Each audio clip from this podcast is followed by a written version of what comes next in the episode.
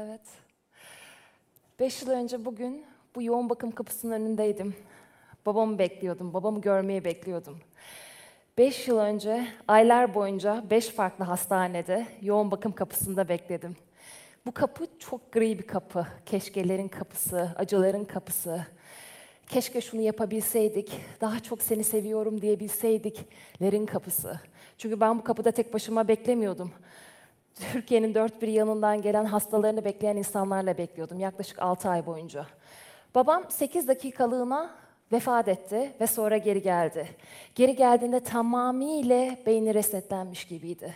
Bir bebek gibi dünyaya geldi. İlk yoğun bakım kapısından girdiğimizde tamamıyla bir e, ölü gibi yatıyordu. Ama üçüncü günden sonra, dördüncü günden sonra girdiğimizde babam yine bilinçsiz bir şekilde ama bu sefer muhteşem bir gülümsemeyle bize bakıyordu. Çok bilinçsiz bir gülümsemesi vardı. Öyle güzel gülüyordu ki bize umut oluyordu. Dedik ki vazgeçmeyeceğiz, babamızı eski haline getireceğiz. Ama doktorlar şunu söylüyordu, bir daha eskisi gibi olmayacak, bir daha başlayamayacak. Bir daha konuşamayacak, yürüyemeyecek. Arkadaşlar, eğer böyle bir doktor karşı karşıya kalıyorsanız başka bir hastaneye geçeceksiniz.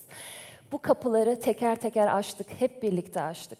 Çünkü bunu aşmak zorundaydık. En sevdiğinizi düşünebiliyor musunuz kaybedeceğinizi?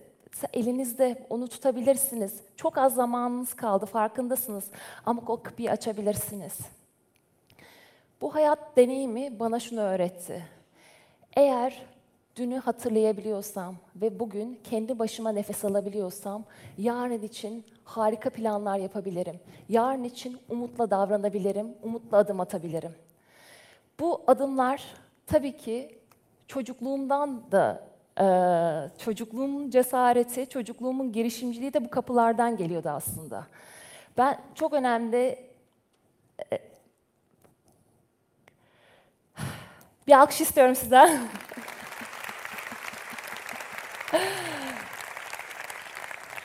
o günleri hatırlamak, tam beş yıl öncesini hatırlamak gerçekten çok acı veriyor. Şimdi bambaşka, daha güzel e, hikayelere geçireceğim sizleri. Ama en önemlisi de bu direniş, bu vazgeçmemek, bu baştan başlamak, restart, game over'ı görüp tekrar restart yapabilmek bana oyun günlerimden kal kalan en büyük artılardan bir tanesiydi. Ve bu hastane günlerinde düşündüğümde ne yapabilirim? Babamı artık iyileştirmiştik, babam artık adım atabiliyordu, yürüyebiliyordu, bizleri tanıyordu. Ve ben de artık kendimi sorgulamaya başlamıştım. Çünkü o zamana kadar oyunun peşinde, teknoloji ve sanatın peşinde dünyayı geziyordum. Dünyayı fark etmeye ve kendi gücümü fark etmeye, farklı kültürleri tanımaya çalışıyordum. Ama şunu fark ettim ki benim bu dünya üzerinde en mutlu olduğum yerlerden birisi Ayvalık. Daha önce Ayvalık'a gelenler var mı? Evet, güzel bir potansiyel görüyorum. Salonun yarısı gelmiş, yarısı gelmemiş. Burada bizim evimiz bu köye çok yakın. Bu köy 1453 yılında Yeniçeriler tarafından kurulmuş bir köy. Daha sonra Rum halkı gelmiş, mübadele zamanında maalesef gönderilmiş. Ve sonrasında da Boşnak halkı gelmiş 100 yıl önce. Ama bu köyün tarihi güzelliği, kültürel güzelliği unutulmuş, 100 yıl öncesinde kalmış. Kimse fark etmemiş. Ve dedik ki neden renkli bir kapı olmasın bu köyde? Sanata açılan, bilime açılan, yeniliğe açılan rengarenk bir kapı olmasın. O gri kapıdan sonra. Kardeşimle birlikte dedik ki biz buranın kapılarını rengarenk yapalım ve gelen girişimcilere, sanatçılara yepyeni bir dünya sunalım. Eski bir kıraathaneyi alıp içine sanat ekleyip kıraathane adına getirdik. Ve sanatçı kardeşimle birlikte bir köy terk edilmiş bir köyde dijital sanat merkezi oluşturmaya çalıştık. Tam bu hikayemizde babamdan sonra 5 yıldan 4 e, yıl 4,5 yıl oldu başlayalı. 4,5 yıllık bir hikayeye ilk adımımızı atmış olduk.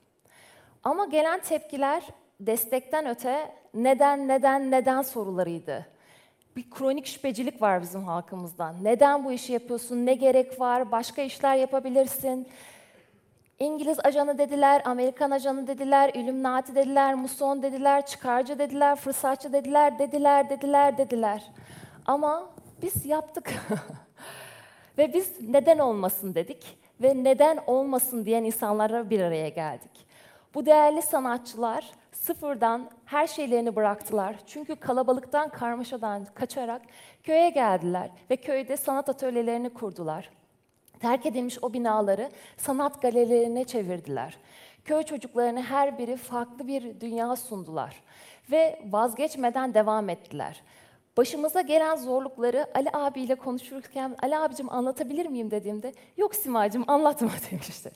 Onu da başka bir sefer eksi bir düzenlediğinizde o zaman daha net anlatabileceğim. Ama gülümseyerek biz devam ediyoruz. O babamdaki bilinçsiz gülümseme bizim yüzlerimizde hiç eksik olmadan devam ediyor.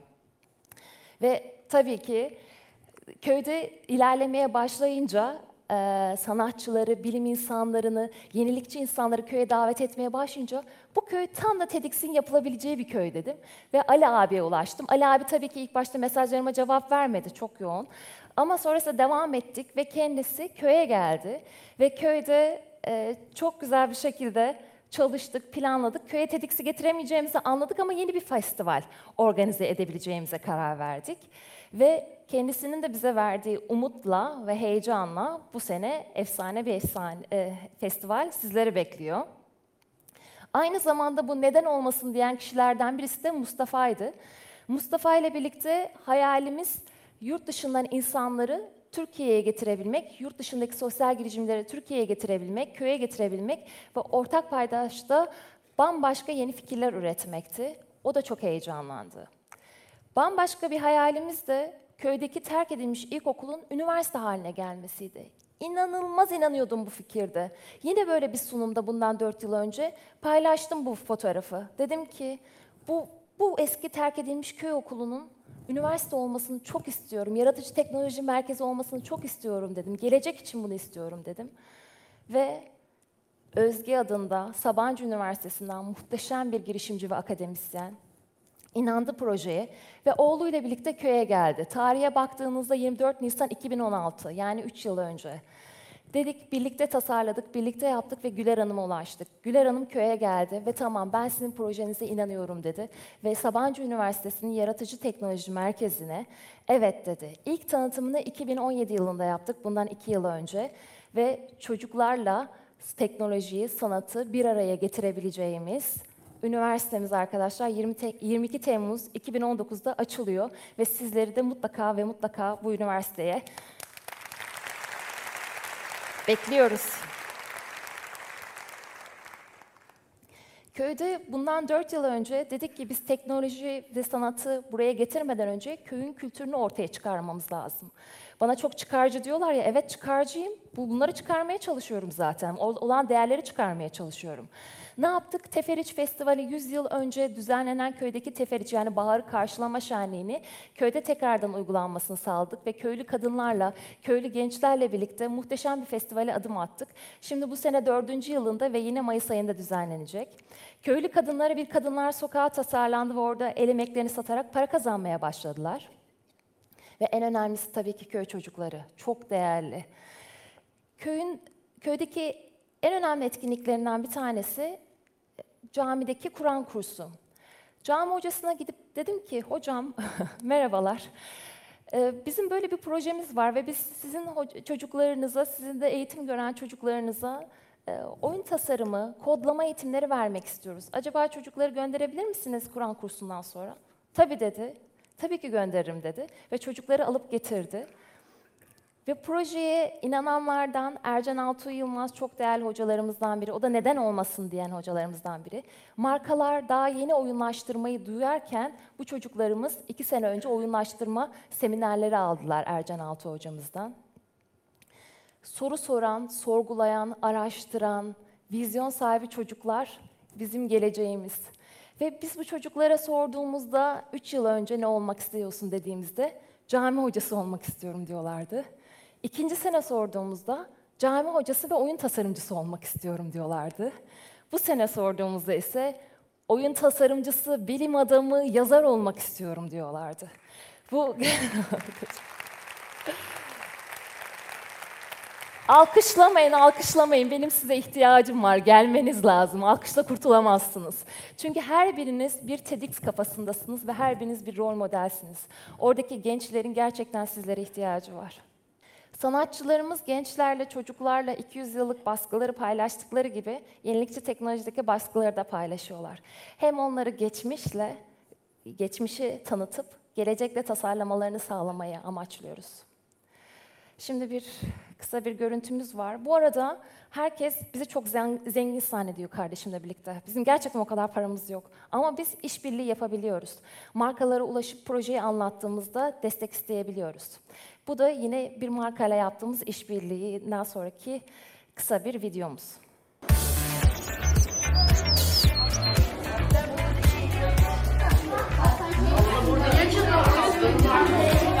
Zor olur bazen pes etmek kolay.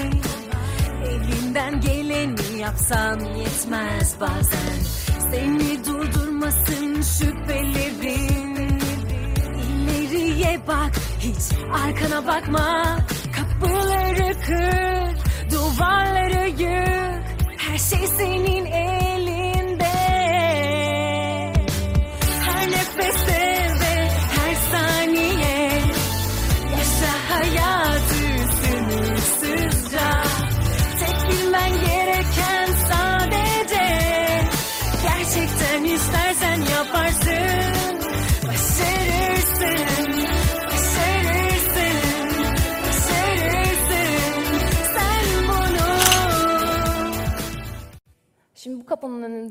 çok renkli çocuklarla birlikte rengarenk hayaller kurabiliyoruz. Farklı markaların destekleriyle. Biz de kendi başımızda da yapabiliyoruz. Ama onların destekleri bambaşka bir e, kapı açıyor onlara. Ve aynı zamanda sadece çocuklar için değil, dünya çapındaki sosyal girişimciler, sosyal liderler için de çalışıyoruz. Şu söze çok inanıyorum. İnsanlara konuşma yetenekleri düşüncelerini saklayabilsinler diye verilmiş. Ve gerçekten insanlığın yarısının böyle olduğunu düşünüyorum. O yüzden düşüncelere, konuşmalara değil de neler yaptığına bakıyorum. Ve bu sosyal girişimci, sosyal liderler dünya çapında fark yaratmış insanlar. Köyümüzde Hacking the Future etkinliği düzenleyerek geleceği nasıl daha iyi bir hale getirebiliriz? Bunu tartıştık, bunu konuştuk. Bu yaz bir araya geldik. Afrika'dan, Amerika'dan, Lüksemburg'dan, dünyanın birçok şehrinden, birçok ülkesinden sosyal girişimciler köyümüze geldi ve tartıştık. Aynı zamanda bu yatırımcılar ve girişimciler köye davet ettiğimiz Suriyeli girişimcilerle de bir araya geldi. Onların sorunlarını dinlediler ve yeni bir "Ah, dünya nasıl, daha iyi bir dünya nasıl tasarlayabiliriz bunları görüştük. Orada bir kara tahta görüyorsunuz. Bu kara tahta çok önemli. Çünkü o kara tahtada yazılan ve tartışılan konulardan bir tanesi evrensel vatandaşlıktı. Orada yerim katılan 25 kişiden çıkan o proje şimdi UNDP aracılığıyla Ankara'ya ulaştı ve bu proje gerçekleşecek. Hayallerinizi, projelerinizi gerçekleştirebilmek için büyük büyük binalara ihtiyacınız yok arkadaşlar. Sadece yaratıcı kişilere, size inanan kişilere ihtiyacınız var. Ve sizlerle birlikte olabilmek için, yenilikçi, yaratıcı düşünceye önem veren insanlarla birlikte olmak için sizi bu kapıya bekliyorum. Çok teşekkür ediyorum.